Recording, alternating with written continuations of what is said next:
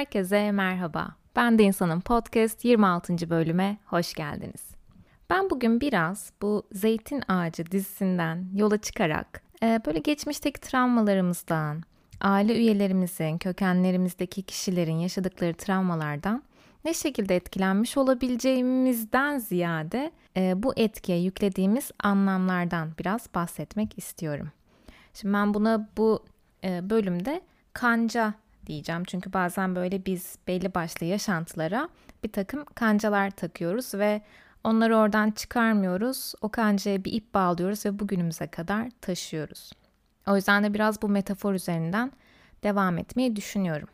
Şimdi aslında her ne kadar başlangıçta Zeytin Ağacı dizisi desem de e, bu konuya eğilmek isteyişimin sebebi başka bir durumdu. Yine kendimden yola çıkarak aslında bir şeyleri fark ettim.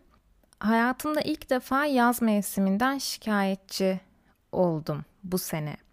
Ee, sıcak beni çok fazla bunalttı ve böyle bir an önce bahar gelsin, Eylül, Ekim, havalar biraz serinlesin diye bekler oldum. Baharı hep seviyordum ama yani en sevdiğim mevsim hangisi diye sorsalardı bana daha öncesinde hiç düşünmeden, sorgulamadan yaz mevsimi diye cevap verirdim ama baktım ki mevsimlerle ilişkim de değişiyor. Şimdi tabii ki bu de, ilişkinin değişmesinde artan sıcaklar şüphesiz ki oldukça etkili ama başka ne olabilir diye bir baktığımda böyle dramatik denilebilecek hallerin içinde eskisi kadar dolanıp durmamamla da bir ilgisi olabileceğini fark ettim. Sanki yaşla birlikte ihtiyaçlarım değişiyor ve bu ihtiyaçlar hayatımın her alanında, kurduğum her ilişkide bir şekilde kendisini gösteriyor gibi. Burada tabii ki bir neden sonuç ilişkisi kurmaktan ziyade yaşam biçimimin ne şekilde değiştiğini incelemeye aldım diyelim. Sonrasında da daha erken yaşlarda neyi nasıl yaşıyordum, nasıl yorumluyordum diye bir düşündüm. Yani şu anda farklı olan ne hayatımda? Aslında böyle mevsimlerle ilişkimin değişmesi benim çıkış noktam oldu. Belki ileride yaz mevsimini yine çok sever bir hale gelirim bilmiyorum. Sadece oradan yola çıkarak bir şeyleri düşünmeye başladım. Şimdi özellikle böyle ilişkisel meselelerin sonunda acıyı çok yoğun yaşadığımı ve hatta sanki böyle acıdan ibaretmişim gibi hissettiğimi hatırlıyorum geçmişte. Sanki böyle tırnak içinde biri bana bir şey yaptı. İnancının peşi sıra yoğunlaşan bir duygu yaşıyordum aslında o anlarda. Şimdi tabii ki bir olayı yorumlarken hesaba kattığımız bilginin oranı çok önemli. Ben bugünümden baktığımda, bugünümden bakarken ve e, şu an bulunduğum noktadan bakıp değerlendirirken işin içine çok daha fazla bir bilgi dahil edebiliyorum kendime dair, ilişkilere dair. Ama tabii ki o dönemde bu kadar bir birikimim yoktu bu konuda. O yüzden kendime haksızlık da etmiyorum. Evet o dönemde o şekilde yaşıyordum. Çünkü o, o şekilde yorumlayabiliyordum. Elimdeki kaynak ancak o tarz bir yorum yapabilmeme yetiyordu. Bugünümden baktığımda biraz daha farklı yorumluyorum ve belki bundan 5-10 yıl sonra bugüne bakıp yine aynı cümleleri de kurabilirim. Ee, yani bugünkü bilgi birikimimi, kendime ilişkin farkındalığımı 5-10 yıl sonra yine daha az görebilirim.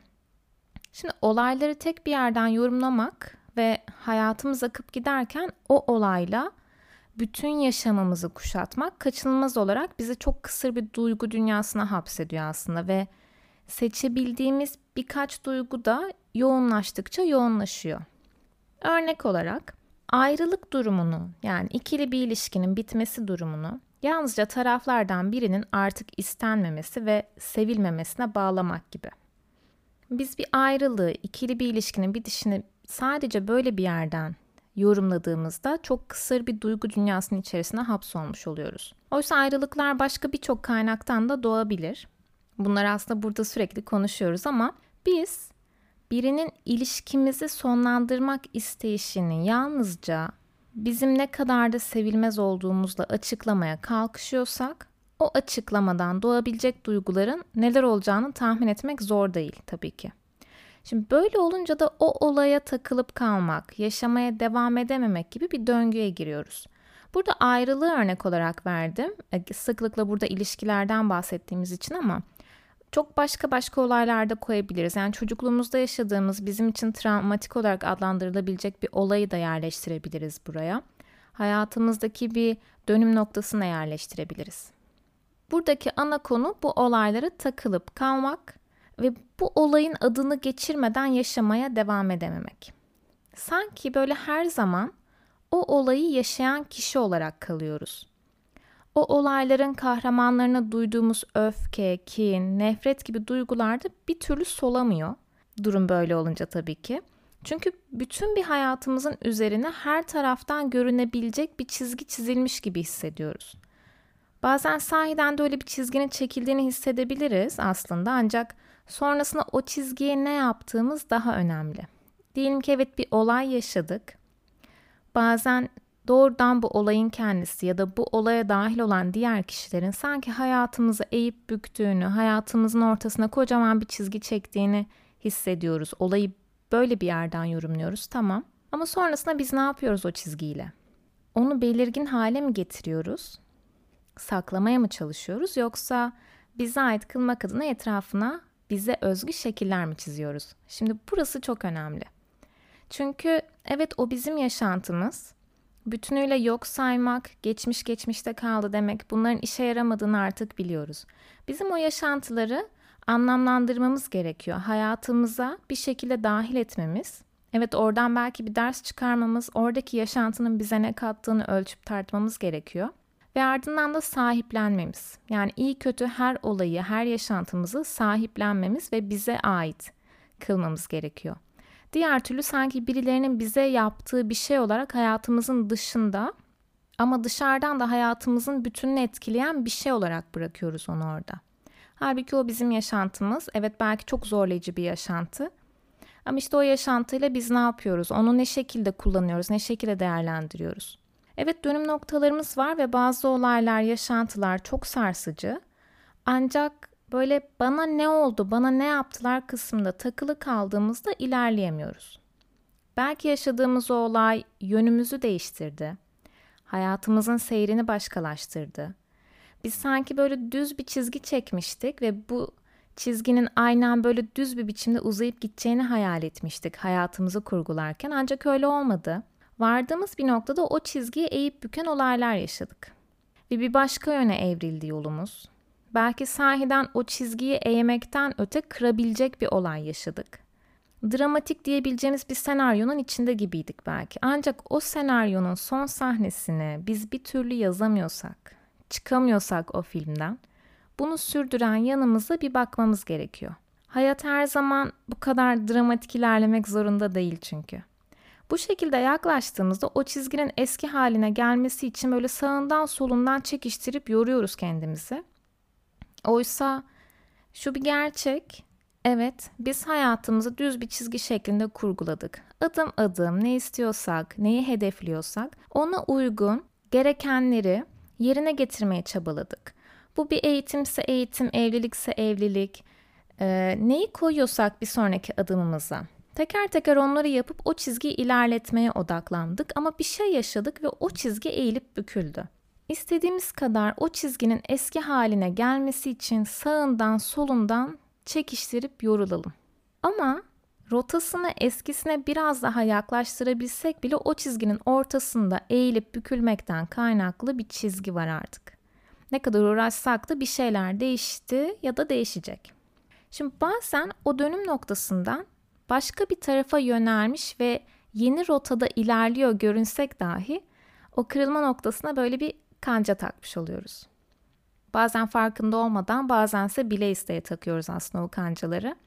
Nereden döndüğümüzü hiç unutmak istemiyoruz ve uzaklaşmaya izin vermiyoruz. O kancaya bağlı yani o kancayı bir ip bağlıyoruz sanki ve o ipi avucumuzda böyle sıkı sıkı tutuyoruz. Sonra yaşadığımız her zorluğu o ipe bağlamaya, o kırılmanın etkisini çoğaltmaya, o olayın, o kişilerin bize neler yaptığını kendimize türlü şekillerde kanıtlıyoruz her adımımızda. Yolunda gitmeyen bir işi, biten bir ilişkiyi, uğradığımız bir haksızlığı, herhangi bir başarısızlığımızı hep zamanında yaşadığımız o olaya veya olaylara bağlama eğiliminde oluyoruz. Şimdi böyle olunca da aslında o yaşantı bizi belli seçeneklerin, belli yaşam olaylarının, belli bir düzenin içinde hapsetmiş gibi oluyor. Kendi kendimizi ne yaparsak yapalım, ne kadar çabalarsak çabalayalım o etkiden çıkamayacağımıza ikna etmiş oluyoruz aslında bu şekilde davranarak. Şimdi çizgimizin eğilip büküldüğü anı keşfetmek, anlamlandırmak tabii ki çok önemli. E, burada da zaten bundan yine sıklıkla bahsediyoruz. Ne yaşıyoruz, neden yaşıyoruz, nasıl yaşıyoruz? Bu duyguyu böyle yaşamayı, bu olayları böyle yorumlamayı, nelere inandığımızı, nasıl anladığımızı, olayları nasıl yorumladığımızı fark etmek bize bugünümüzde neyin neden yolunda gidemediğini anlatıyor. O yüzden de evet buralara bakmamız gerekiyor. Zeytin Ağacı dizisi bu anlamda çok konuşuldu. Büyük bir etki de uyandırdı. Tabii yanlış anlaşılmaları da yol açtı. Biraz buralara değinmekte fayda var. Birincisi, şimdi atalarımızın travmalarını öğrenmezsek eğer yaşadığımız sıkıntılardan kurtulmamız mümkün değil gibi bir algı da oluştu bazılarımızda. Ben bunu da çok fazla duydum ne yazık ki. Evet ben bir sıkıntı yaşıyorum, kendimi çözümsüz hissediyorum ve sonra bu diziyi izliyorum, bakıyorum ki e, köken travmalardan bahsediliyor ve sanki onları keşfedemezsem hep böyle yaşamaya devam edecekmişim gibi bir algı da oluşabiliyor.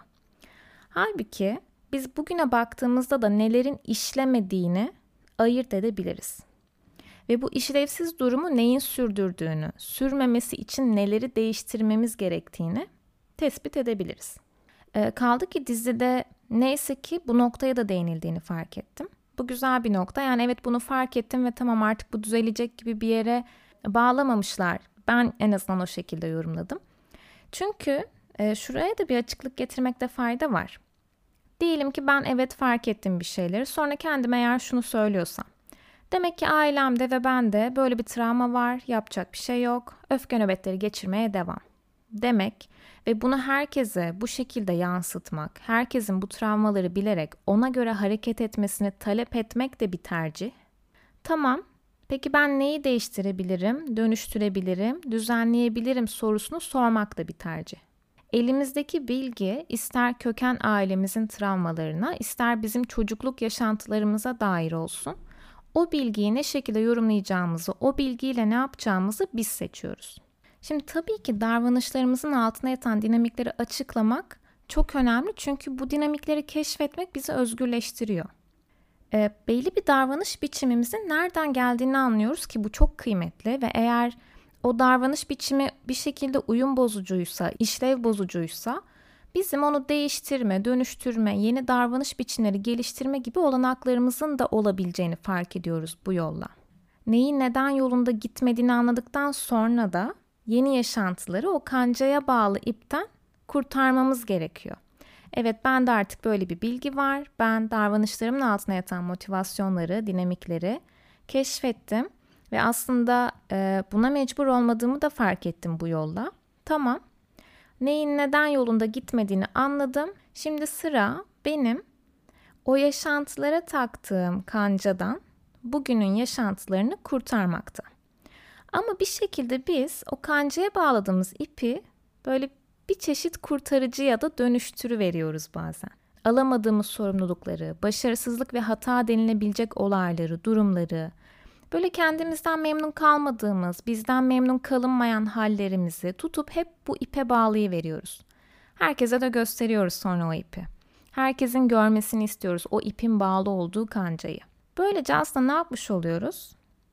üzerimize yıkılabilecek her türlü olumsuz söylemin altından çıkıveriyoruz. Hatalı herhangi bir davranışımız olduğunda bunun hoş görülmesini talep edebiliyoruz mesela bu zorlayıcı yaşantılarımızı öne sürerek. Veya her daim bu yaşantılardan bahsetmenin altında bazen hayatımızdaki kişilere tırnak içinde beni her daim mazur gör ve beni üzecek herhangi bir şey yapmaktan kaçın mesajı verme niyeti de saklı olabiliyor. Bu yüzden elimizde sımsıkı tuttuğumuz bir ip var mı? Varsa eğer o ip geçmişimizdeki hangi kancaya bağlı bir bakmak ve o ipten sağladığımız yararlardan da vazgeçmemiz gerekiyor.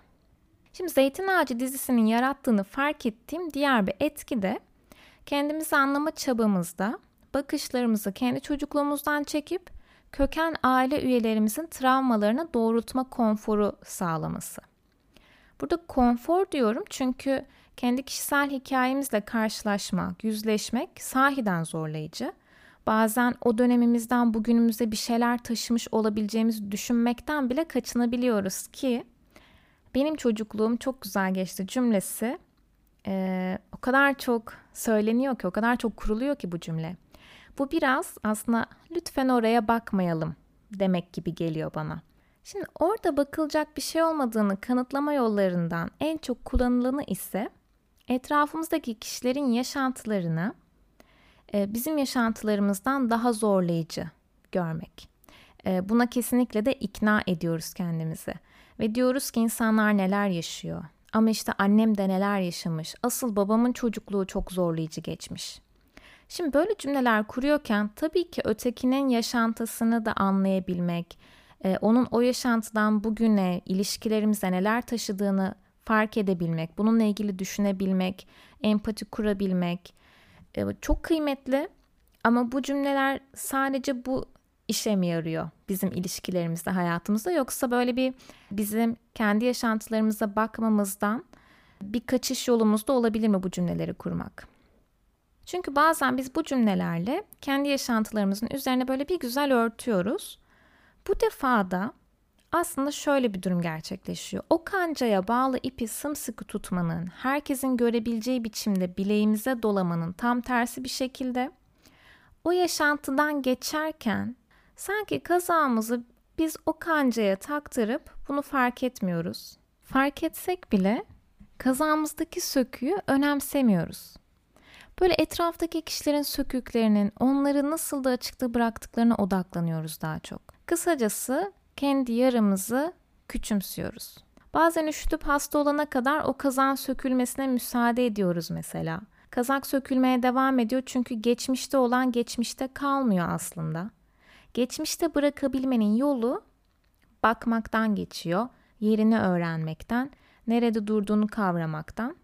Yoksa bastırdığımız ne varsa eylemlerimizde hayat buluyor. Bu da hatırlamanın bir başka biçimi. Biz hatırlamıyoruz, yok sayıyoruz, unuttum diyoruz. Anlatabilecek kadar bile böyle kelimelere dökebilecek kadar bile belki zihnimize taşımıyoruz o anıyı. Ama hatırlamanın bir diğer yolu da eylemlerimiz. Eylemlerimize bir şekilde yansıyor bastırdığımız ne varsa, yok saydığımız, bakmaktan kaçındığımız, üzerine düşmediğimiz ne varsa eylemlerimizde kendisini bize gösteriyor. Dolayısıyla biz hep o kazan daha fazla sökülmesine sebep olacak şekilde hareket edebiliyoruz. İşte bazen de sökülen kazağın ipini bileğimize dolaya dolaya takip etmek ve kancayı bulmak gerekiyor. O ipi oradan kurtarabilmek ve kazağı artık boyumuza uygun hale getirmek üzere tekrar örebilmek için. Bugünlük de bu kadar olsun. Sonraki bölümde görüşmek üzere.